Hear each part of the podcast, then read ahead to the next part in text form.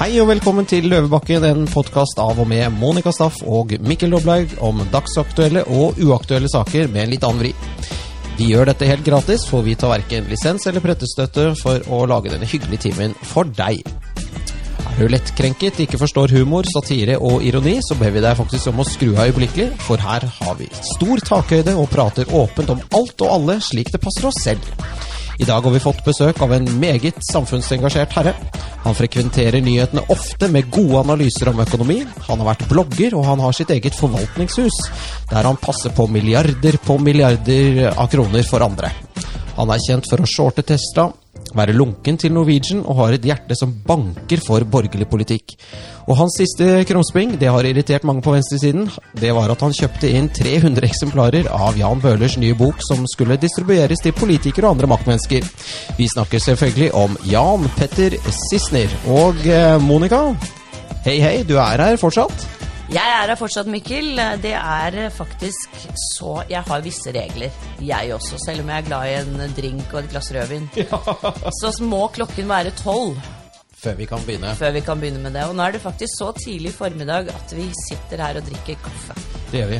Og det er rett og slett fordi at vi har dratt en veldig, veldig snill bestefar ut fra hjemmet hvor han skal passe barnebarna sammen med sin kone. Og da måtte vi ta det litt tidlig. Ja.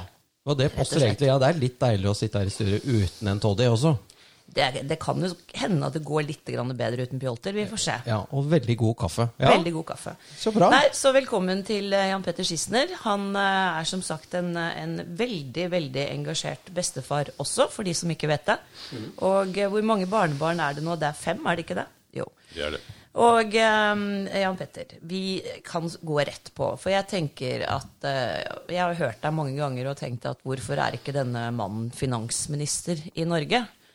Og da tenker jeg første spørsmål må være hva ville du gjort hvis du var finansminister med vide, vide fullmakter? Ja, Da hadde jeg gjort mye, men jeg har jo ikke beregningsgrunnlaget. Men jeg ville kuttet seriøst i skatten nedenifra. Vi er nødt til å prøve å anmode folk om å ta 20 lønnskutt. Vi er nødt til å styrke norsk konkurranseevne.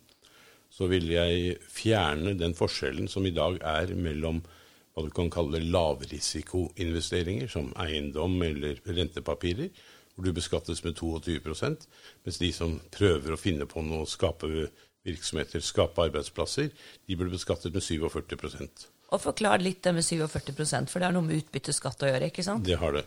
Eh, Plasserer du, kjøper du en leilighet og leier den ut, så får du inntektene fortløpende og betaler 22% skatt av overskuddet.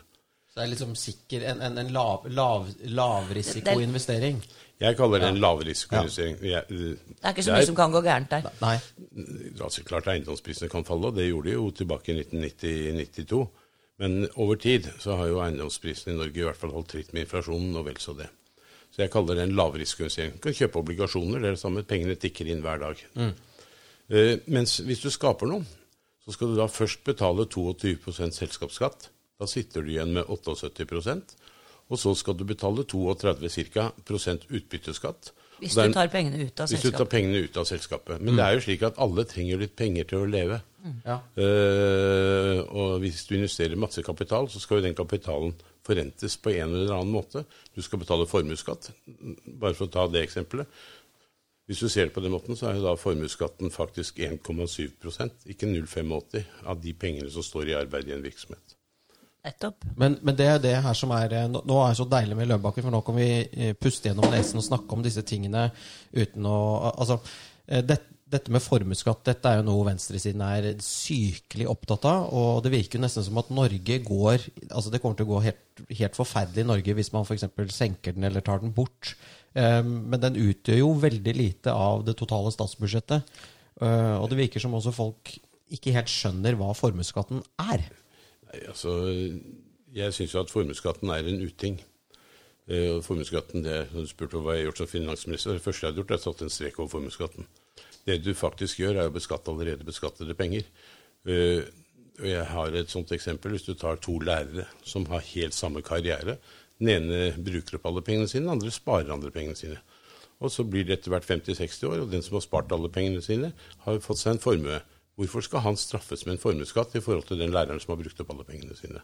Den var fin. Det er liksom, eh, ja, Hvorfor skal ekornet straffes for å spare, eh, samle inn mat til vinteren i, i treet sitt, for å si det sånn? Ja. Men uansett så er formuesskatt bare å beskatte ting som allerede er beskattet. og Det er en uting, og det har kanskje noe med utjevning eh, å gjøre. Men det, jeg jeg syns det er et feil instrument. Jeg har foreslått i min siste blogg tror jeg, at man fjerner formuesskatten og erstatter den med skatt på luksuseiendommer og skatt på Er vi helt sikre på det? det- Nei, jeg vet, det, kommer, det kommer sannsynligvis til å koste meg penger. Men det er, det er prinsippet. Du må flytte pengene uh, vekk altså, uh, Men er ikke det formue det også på samme måten? Hvis du har investert for- i en eiendom? Jo, men det er forskjell. Du, kan, altså, du må legge terskelen høyt. Ja. Men eh, du kan legge eiendomsskatt på hva jeg kaller luksus, og overdrevet luksuseiendommer. Du, eh, også vil å ha en sterkere progresjon på inntektssiden. Det er ingen som har problemer, eller få som har problemer med å betale skatt av penger du tjener. Det som er irriterende, det er å betale skatt av penger du har, som du har spart opp eller tjent på andre måter. Og, og Det er derfor jeg mener formuesskatten er ødeleggende, og den er ut, dypt urettferdig. Og den ødelegger for samfunnet, for den gjør at folk flytter pengene inn i formuesobjekter som har lav formuesverdi. Eh, når du henger deg opp i eiendomsskatten, så syns jeg liksom Vi må alle bidra for å opprettholde Velferds-Norge. Så kan vi diskutere om, det, om den offentlige sektor er for stor, for det er den. Ja. Men vi må alle bidra for å opprettholde det Velferds-Norge som vi alle er glad i. Eh, Men det er bare spørsmål om hvordan du bidrar. Jeg sier ikke at det å fjerne formuesskatten skal medføre skattelette, men det å fjerne formuesskatten skal vri skatten opp på høyinntektsgrupper, folk med luksuseiendommer, som meg selv. Jeg, jeg legger, ligger langt over hva du kan kalle en normal norm. Og så er det jo slik jeg ser at uh, i noen forslag nå så skal de liksom ligge høyere eiendomsskatt på eiendommer over 15 millioner. Eh, altså for Da lever vi alle, liksom. Fem, 15 millioner i Oslo, da får du fire rom og kjøkken på Tåsen. Uh, 15 millioner på Snåsa, så får du vel et slåss. Ja, ja, Slott. ja, ja. Da kan du kjøpe hele Snåsa, faktisk. Da kan du kjøpe faktisk hele Snåsa, Ja. Ja, Og Snåsamannen inkludert. Og, og det, dette må jo da eh, eh, må jo faktisk regionen eh, reguleres.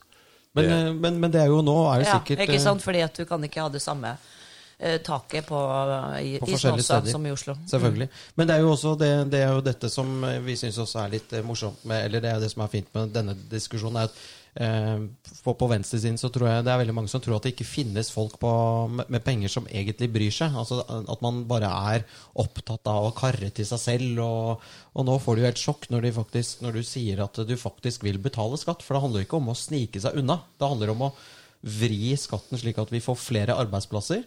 Og så beskatter man ting som er, eh, som er litt overdrevent, som du sa. Ja. Og så handler det vel Ja. også litt om at det skal ikke sant? Det, det, det er greit å bli behandlet rettferdig selv om du blir ansett som å være for rik eller et eller annet i den Ja. gaten. Ja, altså, jeg har ikke noe problem med å betale de pengene jeg gjør i skatt. Problemet er hvordan de pengene brukes. Og det er jo et annet dilemma. Og så har jeg en stor bekymring. Det kunne du kanskje også gjort noe med som finansminister. Jeg skal love at det hadde vært slutt på bistand og hive penger Jeg, jeg, har ikke behov for noen jobb i FN. Ikke andre steder heller. Så jeg hadde ikke, jeg hadde ikke brukt så mye penger. Og, og eh, når du eh, Men sånn litt spøk til side, da. eh, Så er det jo slik at Norge står foran kjempeutfordringer. Eh, Jeg tror det er en allmenn politisk enighet om at oljen kommer til å avvikles. Så kan vi diskutere om det skal ta 5, 10, eller 50 eller 100 år. Men oljens betydning i norsk økonomi kommer til å svekkes i årene som kommer. Men skjønner unge folk eh, For alle snakker om det er nye oljen. eh, Å drive kafé er nye oljen. Å drive apputvikling er ny Alle snakker om nye oljen, akkurat som det skal være sånn simsalabim enkelt å få til. Det er Ja. ingenting altså Jeg kan gi deg et par sånn veldig enkelt eksempel. Fra, eh, jeg tror oljen i år innbringer staten ca. 280 milliarder kroner. I Norge har vi 330 000 virksomheter som er registrert. De bringer til staten 75 milliarder. Oi. Og det er klart at Hvis de 280 milliardene skal Erstattes. erstattes, Oi, oi, oi. så du kan bare begynne å diskutere hva skal kuttes. Og det er jo slik på statsbudsjettet, tror jeg at det, det aller meste på statsbudsjettet ligger jo fast. Ja. Eh, lønninger til eh, offentlig sektor, eh, altså sosialbudsjett osv. Ja. Helse, alt. Helse, alt. Og, og da må du, du kan si, vi må skape noe penger. Og det første vi må gjøre, det er den norske konkurranseevnen. Og derfor mener jeg få folk til å gå ned 20% i lønn, mot at de får, la oss si, tjener de første 300 000 skattefritt. Oi, ja dette er jo interessant, men når du sier ned det her nedtrykkete, kan så jeg- blir jo folk kjempesure, vet Ja, du. her har ikke jeg beregningsgrunnlaget, Nei, nei. men vitsen er er at for folk skal det være nøytralt. Ja. Netto etter skatt nøytralt. Ja. Men vi må senke For lønnskostnadene i Norge er jo uforholdsmessig høye sammenlignet med andre land som det er naturlig å sammenligne Norge med. Mm. Og man skulle jo tro at eh, det på sikt ville utjevne seg f.eks. i Europa ikke sånn på lønnsnivå når det er fri flyt av arbeidskraft, men foreløpig har ikke det skjedd. Nei, og men i Norge så er det jo kanskje litt for liten terskel da, mellom det å øh, ikke ville Eller det å jobbe og det å være gå på arbeidsledighetstrygd eller uføretrygd. Det er jo noe skremmende i et samfunn hvor 400 000 I sommer var det 400 000 arbeidsledige. Vi må likevel importere folk for å plukke jordbærene våre, og Ja, for å bygge husene våre, og for å servere oss på restaurantene. Og da, Jeg tror nordmenn må sette fingeren i jorden og si liksom, hva er egentlig Norge? Norge er som en liten forstad til London som har vunnet i Lotto. Ja, ja. Det er akkurat det. det vi er. Og så har vi vært, hatt et veldig fantastisk samfunnssystem. Norge har to fortrinn. Det ene er billig energi, det andre er at vi har en av verdens høyest utdannede befolkninger. Da må vi bruke det på et fornuftig, bærekraftig sett. Ja, jeg, jeg, jeg har nylig eh, snakket med en som har bodd i UK i mange mange år, og som kommer tilbake til Norge og var veldig imponert over hvor digitalisert det norske samfunnet er i forhold til f.eks. UK. At vi ikke bruker sjekk i butikk og sånn. Ja, og Altinn og Digipost og ikke Ja, ja. sant, alle disse tingene. Som, så, så der har vi et fortrinn, og det kan vel komme av det eh, faktum som du sier, at vi har en av verdens høyest utdannede befolkninger. Eh, men i tillegg så har vi da dette her med offentlig sektor. Eh, det var nylig en sak om Inga Marte Torkelsen, min favoritt. Din favorittpolitiker etter Yes. Trædal? Er Tredal politiker? Jeg trodde han bare var på Twitter. Nei, altså man skulle tro jeg, Vet du hva, Han blir lønnet av. Oslo kommune for, for å sitte og tvitre. Det er ganske Det er vilt. Ganske vilt. Det er Ja, det er ganske ineffektivt, det. Ja. Er det den eneste jobben han har i kommunen? Nei, vet du hva, jeg aner ikke. Han er et eller annet i MDG. Han sitter på rådhuset. Miljøpartiet De Galle? Ja, Miljøpartiet, de, de sprøyter Det galle. Og det, ikke sant? Du nevnte det andre fortrinnet, Jan Petter, som er eh, energi. Og der har vi jo nå disse vindmøllediskusjonene. Jeg er eh, selv eh, medlem i Motvind og Nei til vindkraft på Haramsøya osv. Fordi at disse her vindmøllene de raserer norsk natur med, har egentlig ingen misjon for oss. For vi har hatt verdens grønneste energi helt siden vi begynte å utnytte fossefallene våre og vannkraften vår. Det er den grønneste energien du kan få. Og de sier jo at um, altså De som da har greie på dette, sier at hvis vi hadde oppgradert kraftverkene våre, så hadde vi hatt mer enn nok eh, kraft til å altså, ha samme eh, mengde kraft som de mener de skal klare å produsere med disse vindmøllene, i tillegg til at de må skifte disse bladene, og de anlegger anleggsveier som er 16 meter brede. og altså det Ja, det er Nei, trist. ja, det er, jeg syns det er helt forferdelig. Nå er det vel stoppet litt opp, da tror jeg. Jeg tror de har skjønt at protesten og motstand mot dette er ganske høy. Jeg er også en ihuga motstander mot uh, vindmøller på land, det skal jeg love deg. Ja. Og uh, jeg har ennå til gode å se miljøregnskapet for disse vindmøllene. Uh, om det de facto er så miljøvennlig, kall det det, som de hevder. Og er det, hva oppnår man egentlig ved å ødelegge naturen og ødelegge lyden for masse mennesker? For de bråker jo som et uvær. Ja. Det også, ikke sant. Og Haramsøya spesielt, da, som er en Jeg har engasjert meg i det, for det er liksom bare to-tre øyer bortenfor der hvor jeg kommer fra selv, og det er utrolig vakkert.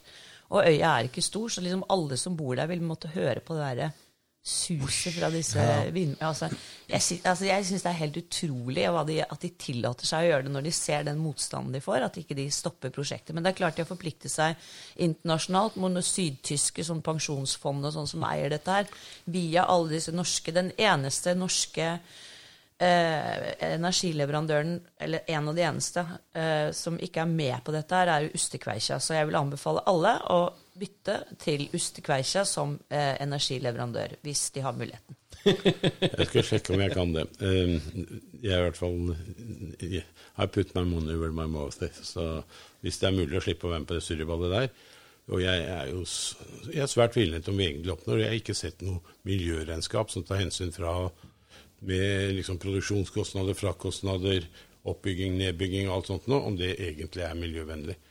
Eh, Så er det jo slik at eh, Vi, eh, unnskyld at jeg avbryter, men disse faktiskfakta.no, hadde ikke de faktasjekket det? Jo, og At det, det, det var usant. Det er ikke altså, Livsløpet til en sånn vindmølle er eh, ikke miljøvennlig. Ikke karbonnøytral, da. Eller, ja. Så den, den lager nok strøm, men, men det tar mye energi å lage den. Ja, da så må de bytte bytte de der rotorbladene. Altså det Men der det, der er bare fordelen du vet at Det som skjer her, dette er sånn norsk, eh, eh, norsk mentalitet.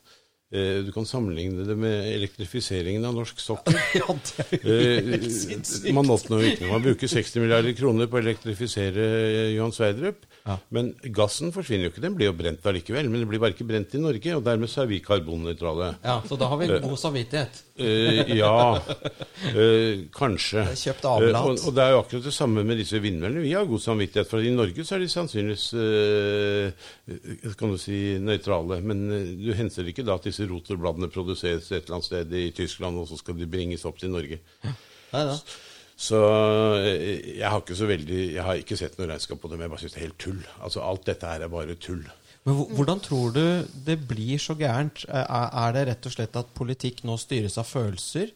Eller, altså, det, for de snakker jo hele tiden om utredninger, og det skal liksom forankres i virkeligheten, dette her, da, men det virker jo ikke helt som om det er gjort det allikevel.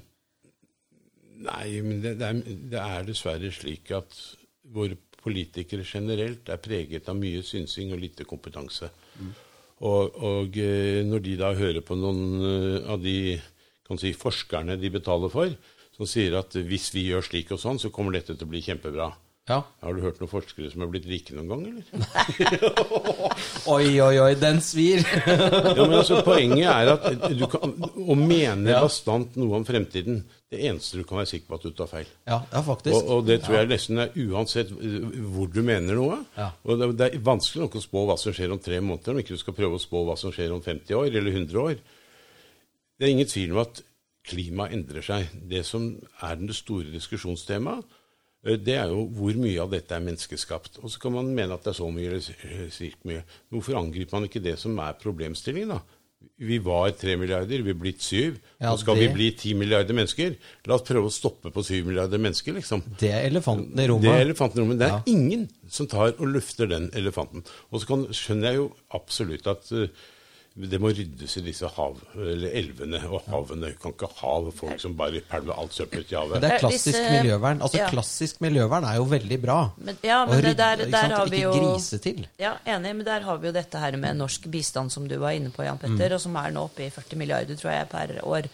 Og vi vet jo fra disse budsjettforhandlingene at det er en fredet post. Bistandsministeren sitter bare og, klø- sitter bare og leser Donald, mens de andre diskuterer disse småting. Det er disse 1 av statsbudsjettet, det. Ja.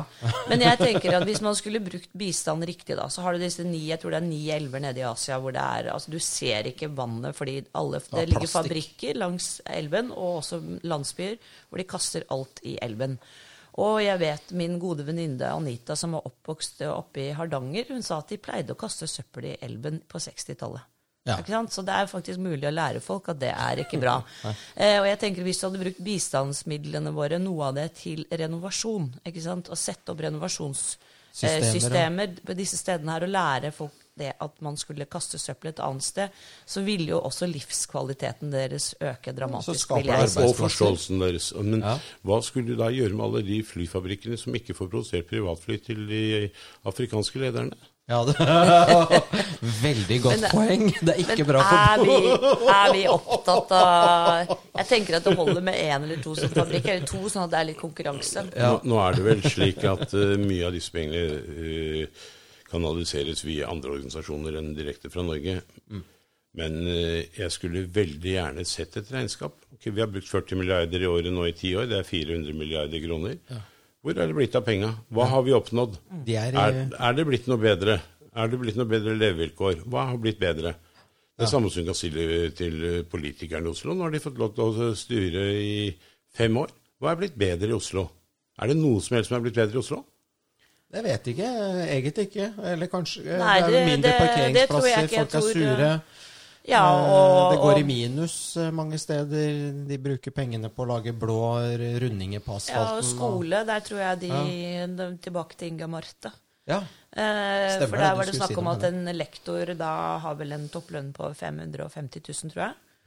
Altså det er en lektor. Nei, jeg, tror er, jeg tror den er noe høyere. Noe høyere. Ja, for det var noe med etter noen år og sånn. Men eh, i, i forhold til da antall direktører som sitter i Utdanningsetaten i Oslo, som har alle sammen millionlønn, så tenker jeg at det hadde vært greit med færre direktører og noen flere lektorer. For de gjør jo faktisk en veldig viktig jobb. De produserer. Og, og det er litt sånn at vi, vi, vi, mennesker er litt sånn Hvis du hadde satt av meg på ett kontor, her et bortetter, ikke sant Meg på ett kontor, Mikkel på ett og Jan Petter på det neste.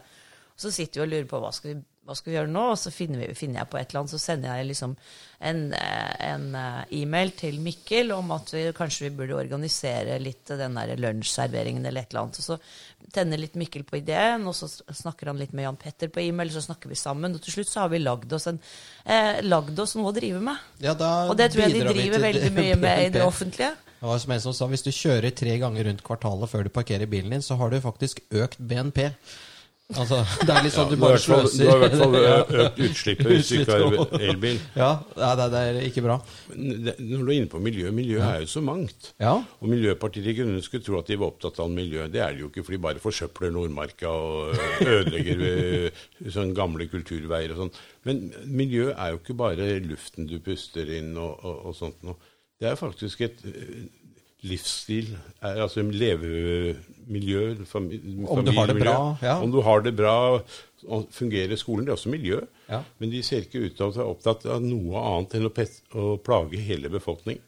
Nei, og du kan si at sånn som når de tok disse trærne nede i eh, øverste del av Der hvor um, Klingeberg kino ligger, ja. Håkon 7. gate, tror jeg det heter. Mm -hmm. uh, der skulle de lage da gågateopplegg. ikke sant? Altså, det, du, du, kan komme til hvor som helst i en eller annen Eh, østeuropeisk by hvor de har laget sånne eh, gågater i indre by hvor det er sånn gammel bebyggelse. Så det er steinørken. Ja, det er bare Der var det betong. altså nydelige, ja. nydelige eiketrær. Ja, og det har de bare pløyd ned. Det tar de bort. Og da tenker jeg, er det miljøvennlig? For det første så er det jo fotosyntese som faktisk gjør luften litt renere akkurat nede i Oslo sentrum. Så det er ikke så dumt å ha trær der, faktisk. Mm. Men det så sikkert uh, bra ut på tegningene. Nei, men det så sikkert bra ut i ikke sant? De, de skulle jo ha dette her uh, Oslo skulle være Europas miljøhovedstad 2019. det og det høres ut som det er en konkurranse, men det er det ikke. Fordi det er da sentralt i, i EU så har de fått beskjed om at de skal bli Europas miljøhovedstad 2019. Og så må og da, man bruke da, penger på det. Og da må de bruke de pengene som skal til, for, å, for det, det, er en mal for hvordan dette skal være. Mm. Er ikke, altså Alle tror at 'oi, vant vi den konkurransen'? Nei, vi har fått beskjed om at vi skulle bli det. Vi har kjøpt oss den plassen. Vi har kjøpt oss den plassen. Men Jan Petter, jeg tenker på eh, ja, miljø. Eh, nå er vi jo inne i en korona Altså alle snakker om korona. Eh, og vi i Norge har jo mye penger på bok, eh, foreløpig i hvert fall, til å kunne putte på, men, men, det begynner å hva er, dine, hva, hva er dine tanker rundt uh, Vi kan jo ta håndteringen etterpå, men jeg tenker på økonomien. Det ser jo litt stygt ut nå med ja, restauranter, alt mulig som må legge ned. altså Økonomien kjøles jo kraftig ned nå. Så Det er jo ingen tvil om at uh, er, denne koronaepidemien har skapt noen veldig få vinnere og veldig mange tapere. Og Du toucher på at vi har masse penger på bok. Ja, AS Norge har masse penger på bok, men vi har ikke noe mer enn de har i utlandet. For den store forskjellen med oss og utlandet er at i Norge så sitter staten på alle pensjonspengene. Hadde du brukt samme kalkyle på pensjonsforpliktelsene til staten, så hadde staten bortimot vært konk. Ja, som du Forklar dette, for dette tror jeg veldig mange, mange tror at vi er verdens rikeste land, for vi har 10 000 milliarder på bok. Men det er jo ikke på bok, det er jo penger som er på en måte lovet bort, er det ikke det? Det, det, det, er, ja. det er, jeg tror de 10 000 milliardene de dekker akkurat folketrygdens forpliktelser, men dekker ikke Statens pensjonskasses forpliktelser. Oi. Og øh, jeg tror hvis du gjorde en kalkyle som, på samme måte som livselskapene er nødt til å gjøre overfor de kundene de har garantert pensjon til, så tror jeg vi hadde hatt et betydelig underskudd. Nå er det jo slik at pensjon i mange land, øh, den største inntektskilden i staten er jo arbeidskraften. Men Norge er faktisk begynt å bli et ganske gammelt land. Vi er rundt 48 år i snitt, og det er nesten Det er, blant de høyeste i Europa. Mm. Og eldrebølgen kommer, så å tro at vi er noe rikt land, det er helt feil. Fordi vår evne til å skape verdier, den er veldig liten. Ja. Eh, det er naturgitte verdier som blir skapt, stort sett, og innenlandskonsum. Vi har veldig få eksportrettede virksomheter med suksess som, som eh, ikke er avhengig av billig energi og, eh, eller olje, da. Så jeg tror ikke vi skal tro vi er så rike. I utlandet så jo pensjon, er jo pensjon spart opp i pensjonskasser som selskapene har i livselskaper osv. En helt annen en helt annen måte enn det det er gjort i Norge. Det Det liksom som er skremmende også, da, dette, det, det gjør jo at våre pensjonspenger investeres i utlandet for, for å skape arbeidsplasser i utlandet. Ja. Mens i utlandet så bruker deres pensjonspenger øh, blir investert i hjemlandet stort sett, noe utenlands òg, men øh, hovedsakelig hjemlandet, for å skape arbeidsplasser i hjemlandet. Det er helt høl i huet. Men det er jo derfor øh, dette, altså jeg, jeg hadde en diskusjon her for en stund siden øh, med en fra Danske Bank. Han sier at det er pengerikelighet i Norge. Det er ikke pengerikelighet i Norge. Hvis du ser på Oslo Børs, eies den i store tall. 20% av, privatpers øh, nei, sorry, 20% av privatpersoner, pensjonskasser øh, og aksjefond. 40% av øh, staten og 40% av utlendinger. Og så er det ikke det at de syns, disse utlendingene syns de norske jentene er så flotte. Det er ikke derfor de investerer i Norge. De investerer i Norge fordi eh, de får bedre avkastning på kapitalen sin. Men utlendingene de betaler jo bare 15% og ingen formuesskatt. Ja. Vi i Norge vi skal betale 32 og formuesskatt. Hva skjer da når en norsk virksomhet virkelig er suksessfull? Da er jo kalt, den blir kjøpt ut, og vi eksporterer den.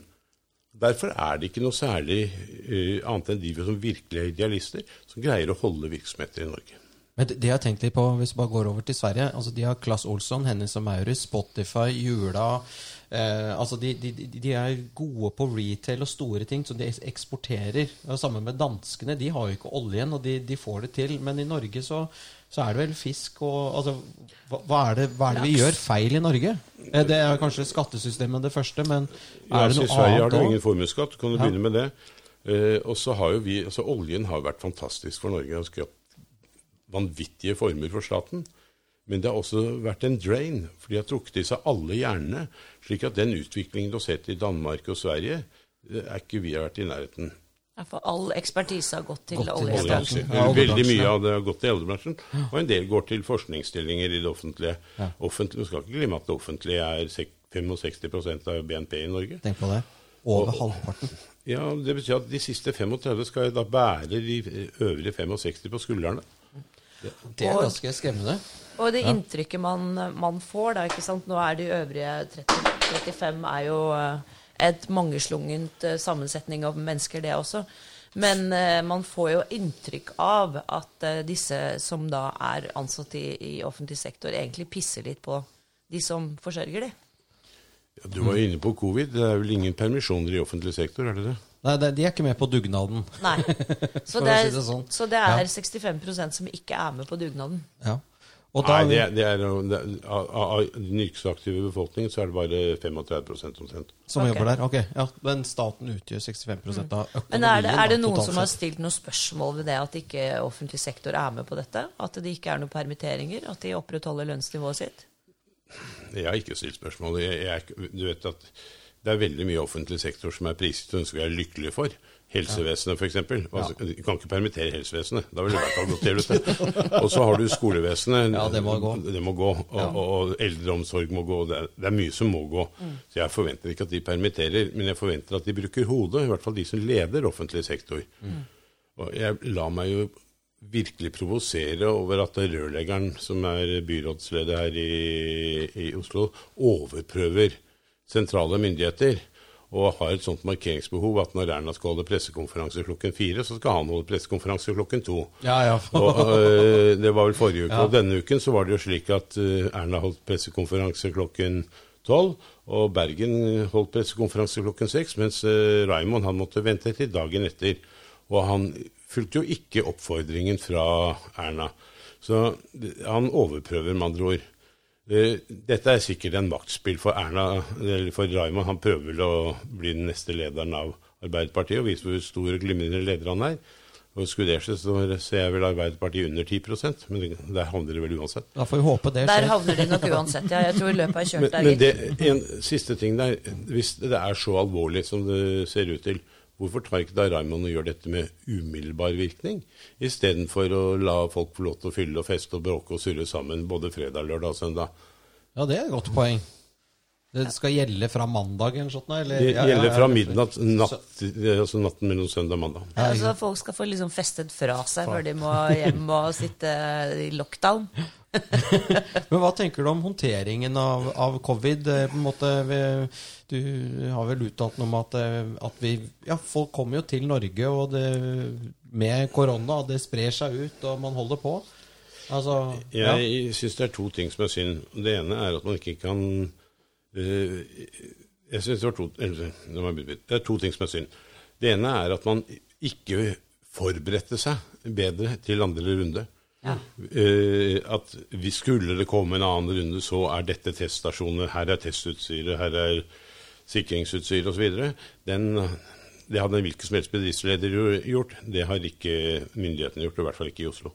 Eh, det er det ene jeg syns. Så er det jo slik at vi i Norge har jo hatt mer eller mindre reguleringer hele år med maks ti mennesker og maks ditt og maks datt. Kommer vi fra utlandet, så må vi i karantene. Det gjelder alle, bortsett fra alle som kommer fra, til Norge for å jobbe. Enten du kommer fra Litauen eller Polen eller hvor smittet det er, spiller ingen rolle. Du kommer og drar rett på jobb. Inntil nylig. Og det er klart at de har vært smittebærere. Det tror jeg ikke det er tvil om i det hele tatt.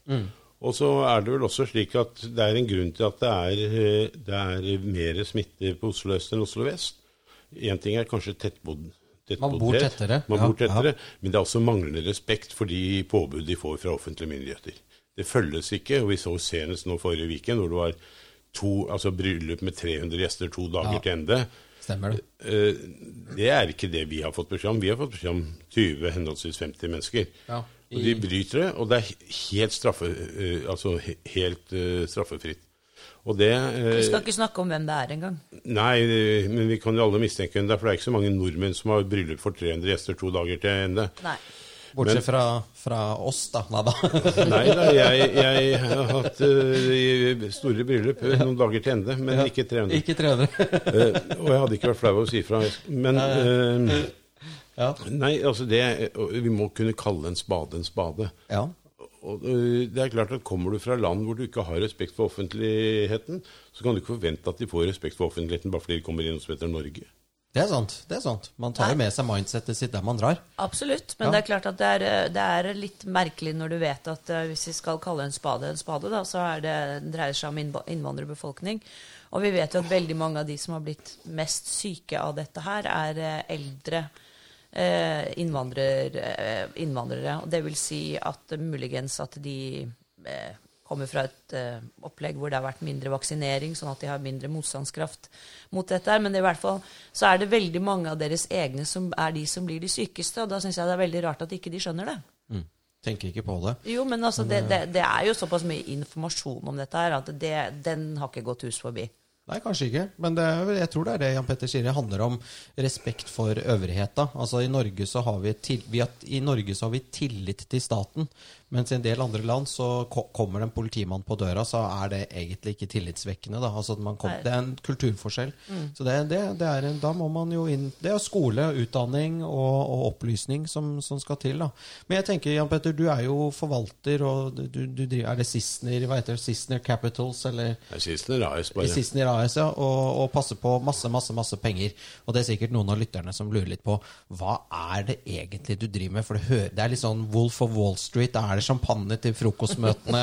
Står du og dunker deg på brystet og skriker 'der fikk vi inn den', og sånn, eller er det egentlig litt sånn traust? Det er veldig traust og kjedelig. Eh, men, og veldig mye hardt arbeid. Eh, det er ikke fullt så intenst som da jeg var megler og, eller meglersjef, eller sjef for meglerfirmaer. Men eh, du føler jo et press hele tiden. Du er jo aldri bedre enn siste dagen, og, og porteføljen er ny hver dag. Eh, selv om vi, det er ikke det at vi snur porteføljen hver dag, for det er ikke mulig. Men eh, nei, du, du, skal, du har jo kommunisert noe til dine kunder, og jeg har jo gjort det litt ekstra komplisert, da, fordi jeg har jo sagt at vårt mål er å skape 10-12% i året. og eh, vi skal være, ha nedsidebeskyttelse, skal ikke tape så mye. Vi tar lavere risiko og leverer bedre avkastning. Det har vi gjort. Eh, og jeg håper vi kan fortsette med det. Men, men det skaper et ekstra press. Det er liksom ikke bare å kjøpe portefølje og reise på ferie og komme tilbake om et halvt år og si oh, yes, det, nå har den vært mye, gitt. Nei, nei. Så du kjenner litt på det? Veldig. Du gjør det? Ansvar? Ja, det er et veldig ansvar. Det er jo liksom ikke pensjonskassepenger bare vi forvalter. Det er 1700 privatpersoner. Og noen har mer eller mindre tillit til deg, og større eller mindre andel av pengene sine hos deg. Det er klart det er noe du føler på. Altså, du våkner halv fem, halv seks om morgenen og begynner å lese de ordentlige avisene. Ikke sånn norske VG og Dagbladet og sånt søl. Du, le, du leser liksom Wall Street Journal, Financial Times, og så Finansavisens leder er jo en av de tingene jeg syns er to the point å lese. Så du leser også DN, eller blar DN. Ja, hvordan ser en sånn dag ut? Ja, nå har du begynt den, og så er klokken blitt øh, åtte-halv ni, så er jeg på jobben. Så er jeg ferdig på jobben, går jeg hjem når jeg blir sliten. Det, for jeg begynte å bli en gammel mann. Ja. Men, og så varer den til verden er over klokken ti om kvelden. Ja, nettopp, for verden stopper ikke.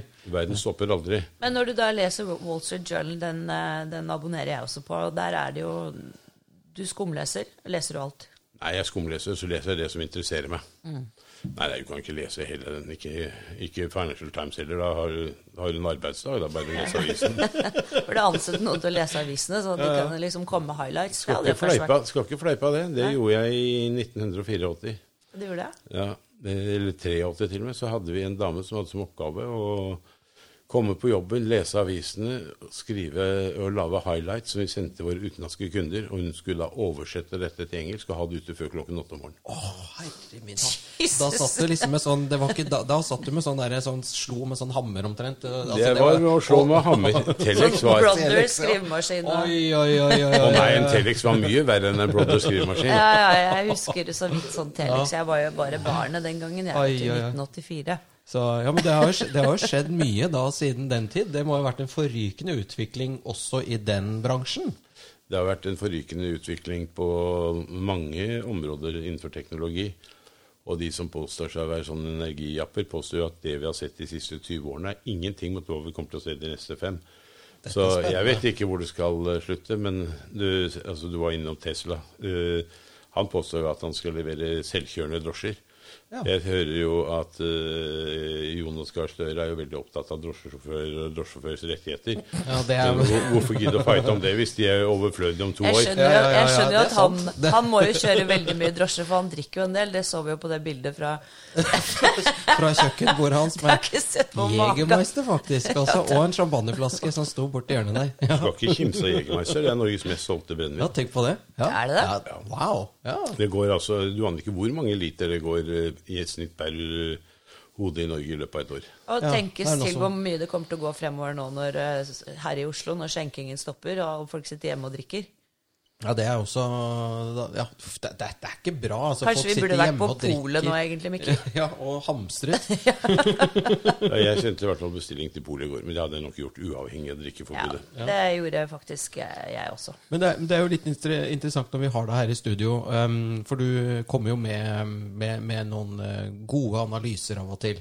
Eh, og da er det jo, Korona er jo ikke bare i Norge, så du har en situasjon der hele verden eh, Det er kommet grus i maskineriet i hele verden. Og så har vi det som da disse sier, at eh, du har en voldsom utvikling i tech, i, selvkjørende biler det, liksom, hvordan, ja, det er ikke, Man skal jo ikke spå om fremtiden, men hva tenker du rundt liksom eh, Ja, du, du lever jo av å prøve å forstå fremtiden, da. Eh, hva, hva, hva ser du for deg, egentlig? Eh, Når du begynner å snakke om det, så er jeg jo bekymret. Men hvis du snakker om den finansielle fremtiden, så tror jeg en konsekvens av den nye nedstengingen er at det blir kastet enda mer eh, bensin på bålet, eller penger etter folk. Både fra sentralbankmyndigheter og også fra skattemyndighetene. Det vil si at de blåser opp balansen til de forskjellige land til det ekstreme. og Den eneste måten de kan komme ut av den gjeldsproblematikken, det er å få i gang inflasjonen. Oi. Så jeg vet ikke hva det koster å binde renten nå, og det er mulig det er for tidlig, men jeg ville seriøst vurdert øh, dette. For vi tror, og du har allerede sett begynnelsen, at tiårsrenten har steget en lite grann. I Norge har den vel steget fra 0,6 på det laveste opp nå i 0,98. Uh, og dette tror vi kommer til å fortsette. Vet Det som heter yield-kurven, eller hvordan rentebanen er, kommer til å bli brattere.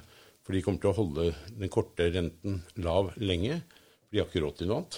Ja. Eh, men eh, så kommer inflasjonen, og så vil renten etter hvert komme etter. Forhåpentligvis, for det er den eneste måten ut av gjeldshelvetet for de forskjellige statene rundt omkring.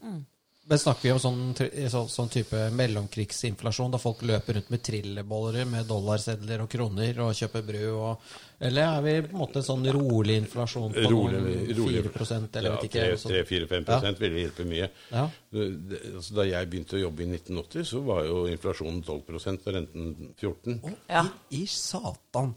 Så uh, det er jo ting, tall dere aldri har hørt om. Og, uh, øh, Nei, nei, nei, jeg kan jo fortelle at i krisen i 92, så 91-92, så var jo rent- boliglånsrenten oppe i 18-19 Og nå driver folk og sutrer på Om det er 1,3 eller 1,4, så uh, det, det, det er også en av de store feilene. vet du. Han er Jonas som flyr rundt og sier at under Høyre-regjeringen har forskjellene økt. Ja, Jeg lover at de hadde økt akkurat like mye under Arbeiderpartiet i regjering. For grunnen til at forskjellene har økt, det er jo at renten har falt. Slik at alle som har eid noe, eier nå no, mye mer. Ja, ja. Ikke det at de kan kjøpe så mye mer for de pengene, for det de hadde lyst til å kjøpe, er også blitt dyrere. Mm. Men på, visuelt så ser det ut som det er blitt mye rikere. Og det hadde skjedd under Arbeiderpartiet, det hadde skjedd under Høyre. Det spiller ingen rolle.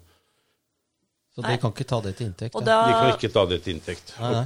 Og det tilbake til 1980, for da var jeg en norsk student i Danmark. Og den gangen hadde vi altså Vi fikk dobbelt så mye, tror jeg, kjøpekraft for studielånet vårt i i danske kroner. For den gangen var altså norske kronen veldig sterk i forhold til den danske. Jeg har akkurat gjort en deal med noen dansker, og det var dyrt, for nå er det omvendt. 150 eller sånne kroner, er det ikke det? 150 hva, hva, hva, med, hva med liksom vår vi, er- altså, Ja, vi hva kunne skjer jo- med krona? Ja. Kronen reflekterer jo ut, For det første er kronen en veldig tynn valuta, så den handles jo ikke. Eh, Det finnes ikke norske statsobligasjoner nesten å få kjøpt for utlendinger. Så eh, de har ikke noe særlig insentiv til å kjøpe kronen. Hva er liksom sammenhengen mellom statsobligasjoner og kronekurs? Og Og sånn? det er veldig vanskelig for utlendinger å investere i kronen. da. Ja. Altså hvis du kjøper noe, Hva skal du kjøpe for noe? Kan du kjøpe cash, putte mm. deposit til null rente? Det gidder du jo ikke. Nei. Men så er det også en refleksjon av fremtiden. Så hva skal Norge leve av? Ja, vi har penger på bok. Det er som en riking som arver masse penger, og som ikke aner hvordan han skal bruke den. Og Det gjør ikke norske politikere. De har rett og slett ikke peiling på hva Norge skal leve av, og de bare surrer og roter bort pengene våre. Og så jubler de når Trump vinner, nei, taper. Og hvorfor gjør de det? Jo, for da kan amerikanerne fortsette å ta alle disse regningene i FN og sånt noe. Forsvaret vårt og Amerikanerne de syns det er veldig kjekt at den amerikanske forbrukeren betaler vårt forsvar. Det er folk som tenker på, tenker jeg. Eller ikke skjønner sammenhengen. Nei, men Det er jo veldig mange som ikke skjønner veldig mange sammenhenger. og Jeg vil ikke påstå at jeg skjønner alle sammenhenger selv, men eh, det er i hvert fall lurt å gjøre et forsøk på å skjønne det. Og ikke sette seg i en sånn som norsk presse har gjort på- bakbeina når det gjelder Trump, og bare, bare ensidig negativt. og de bare, altså, Det er jo sånn at til slutt så begynner du bare å le, fordi at eh, det er sånn Ok, så han er skikkelig tjukk i huet, altså. Donald Duck Show. Ja, Donald Show var det. Det Det blir, det Ja, blir jeg kan sende deg inn på det. Men du sier jo samtidig at 50 omtrent av den amerikanske befolkningen er dumme. Ja, Ja. 70 ikke- millioner. 70 millioner 70? Ja. Ikke, nei, altså, det det, de som kan du ikke ekstrapolere. Ja, ja. Så Så kan du si det er 165 millioner amerikanere er dumme. Ja. Kjempe, og slemme og, og, og u... Ja. De er Donald, de, er, liksom. de er deplorables, Det er fem, ifølge Hillary 150 Clinton. millioner Donalder. Nei da, ikke sant. Det, det, men vi, kan, vi kunne snakket lenge om norsk presse og, og hvor, eh, hva, hva si, hvor venstrevridd de er. Det er jo ikke bare venstrevridd, de er ganske blodrøde, fordi det er en veldig stor overvekt av de som er liksom ganske langt over på venstresiden. Jeg snakker ikke om Arbeiderpartiet, jeg snakker om SV. Mm, litt lenger ut. Ja. Men, men jeg tenker på eh, hva Altså, politikerne i Norge roter med å prøve å finne en retning. Eh, hva, hva er fordelene vi har i Norge? Og hva, altså du sa at, det var, at vi var veldig høyt utdannet. Eh, og vi hadde eh, veldig mye tilgang på energi og en del ressurser. Hva, hva er veien for Norge fremover? Hvordan, skal vi reindustrialisere Norge? Eller hva, hva, hva, hva gjør vi? Altså, jeg har jo noen tanker, men det vil, ikke, det vil, ikke, det vil ikke være eksportrettet til å skape betydelige skatteinntekter. Men altså, vi må bruke det vi har, det er kunnskap. Mm. Jeg vet ikke hvor mye penger det betales fra utlendinger for å gå på skoler i Amerika i løpet av et år, men det er betydelige summer. Selv har jeg hatt mine barn studerende der, to av dem studerende der borte. Og jeg kan fortelle deg hva det koster. Det er dyrt.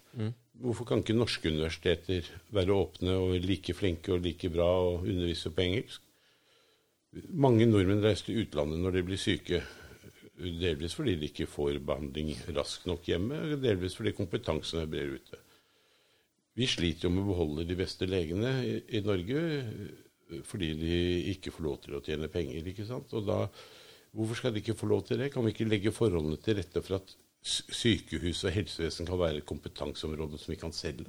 Ja, At folk kan komme til Norge for å få De reiser jo til sånn. Sveits og bruker massive penger. Hvorfor kan de ikke gjøre det til Norge? Ja, det er interessant. det, er sånn- det har jo, som du sier, med at det er, det er offentlig, og du har en, et tak på både lønninger og alt til eh, leger som gjør at de aller flinkeste søker andre steder hvis de ønsker å gjøre noe mer ut av karrieren sin. Sveits har jo innsett den problemstillingen, og der er det slik at de flinkeste legene ønsker jo å jobbe i det offentlige, men der jobber de da 50% Så jobber de 50% privat, hvor de kan få lov til å tjene penger.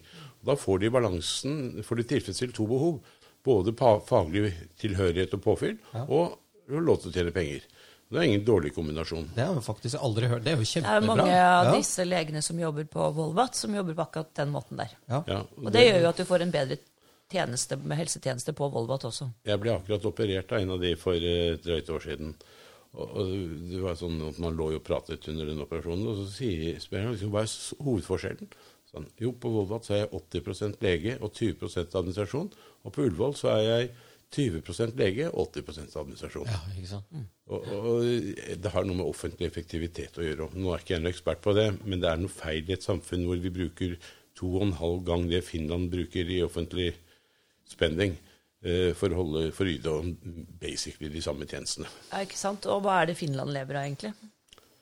Der finnes det i hvert fall noen ordentlige virksomheter, men eh, de har det tøft nok der oppe òg. Ja, De lager Targa, i hvert fall. Veldig bra båt. Ja, Dette var de reklame laver, for Targa. Ja, de lager Targa, lager Nokia eh, Ja. Wärtsilä skipsverftet, som sikkert var lagd, ah, lager cruisebåter. Ja, ja, ja. Det har du. du har, det Finnene har mye. Men du var inne på det i sted. Altså, ta ut de største selskapene i Sverige, de største selskapene i Norge, de største selskapene i Danmark, og så se på forskjellen i kvalitet. Det er, altså, danskene har vanvittig mange flotte selskaper, det har svenskene òg.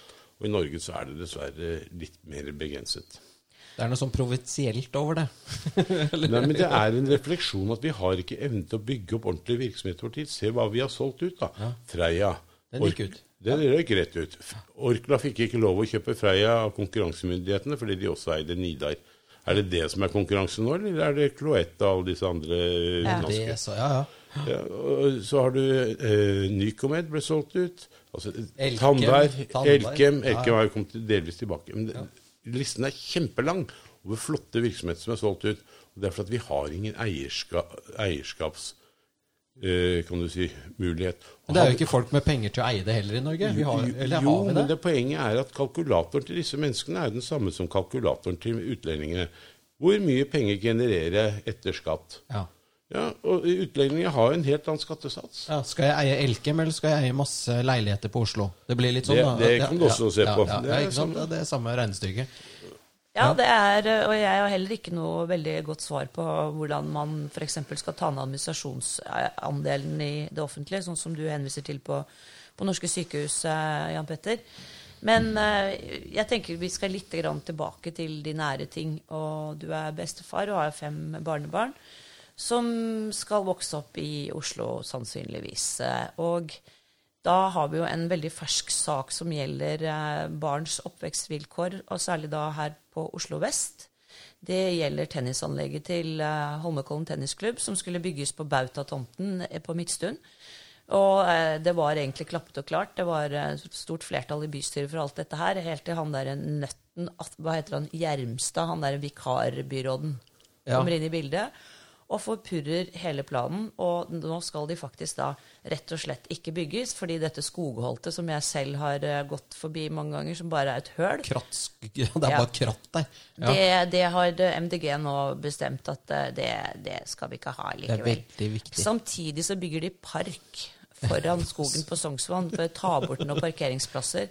Altså, det er altså en galskap som ikke er til å tro. Og da tenker jeg for barns oppvekstvilkår så er dette f.eks. tennisanlegget veldig viktig. I tillegg skulle Midtstuen skole, som har sprengt kapasitet på kroppsøving, få bruke anlegget som et, et supplement til sin kroppsøving. Altså, dette er Oslo kommune som selv må få dette eh, orden på da, kapasitetsproblemet på Midtstuen, og kanskje bygge ut skolen, hva vet jeg.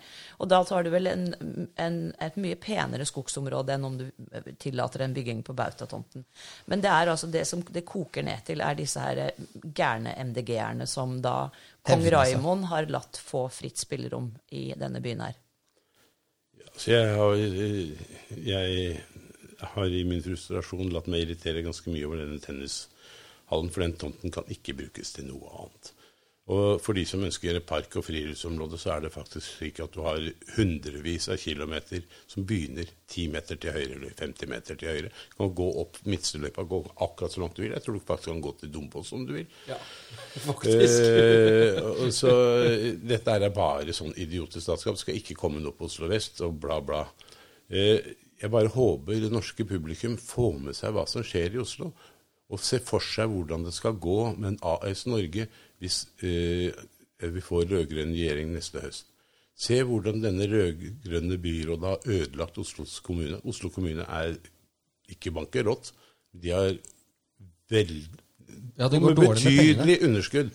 De er forgjeldet. De er forgjeldet, og de bare surrer bort pengene på tull og tøys. Og dette er for fjerne parkeringsplassene foran uh, sånn, sånn. Det er det for å passe på at de som ikke kan ta offentlig transport, ikke skal få lov til å bruke det. da.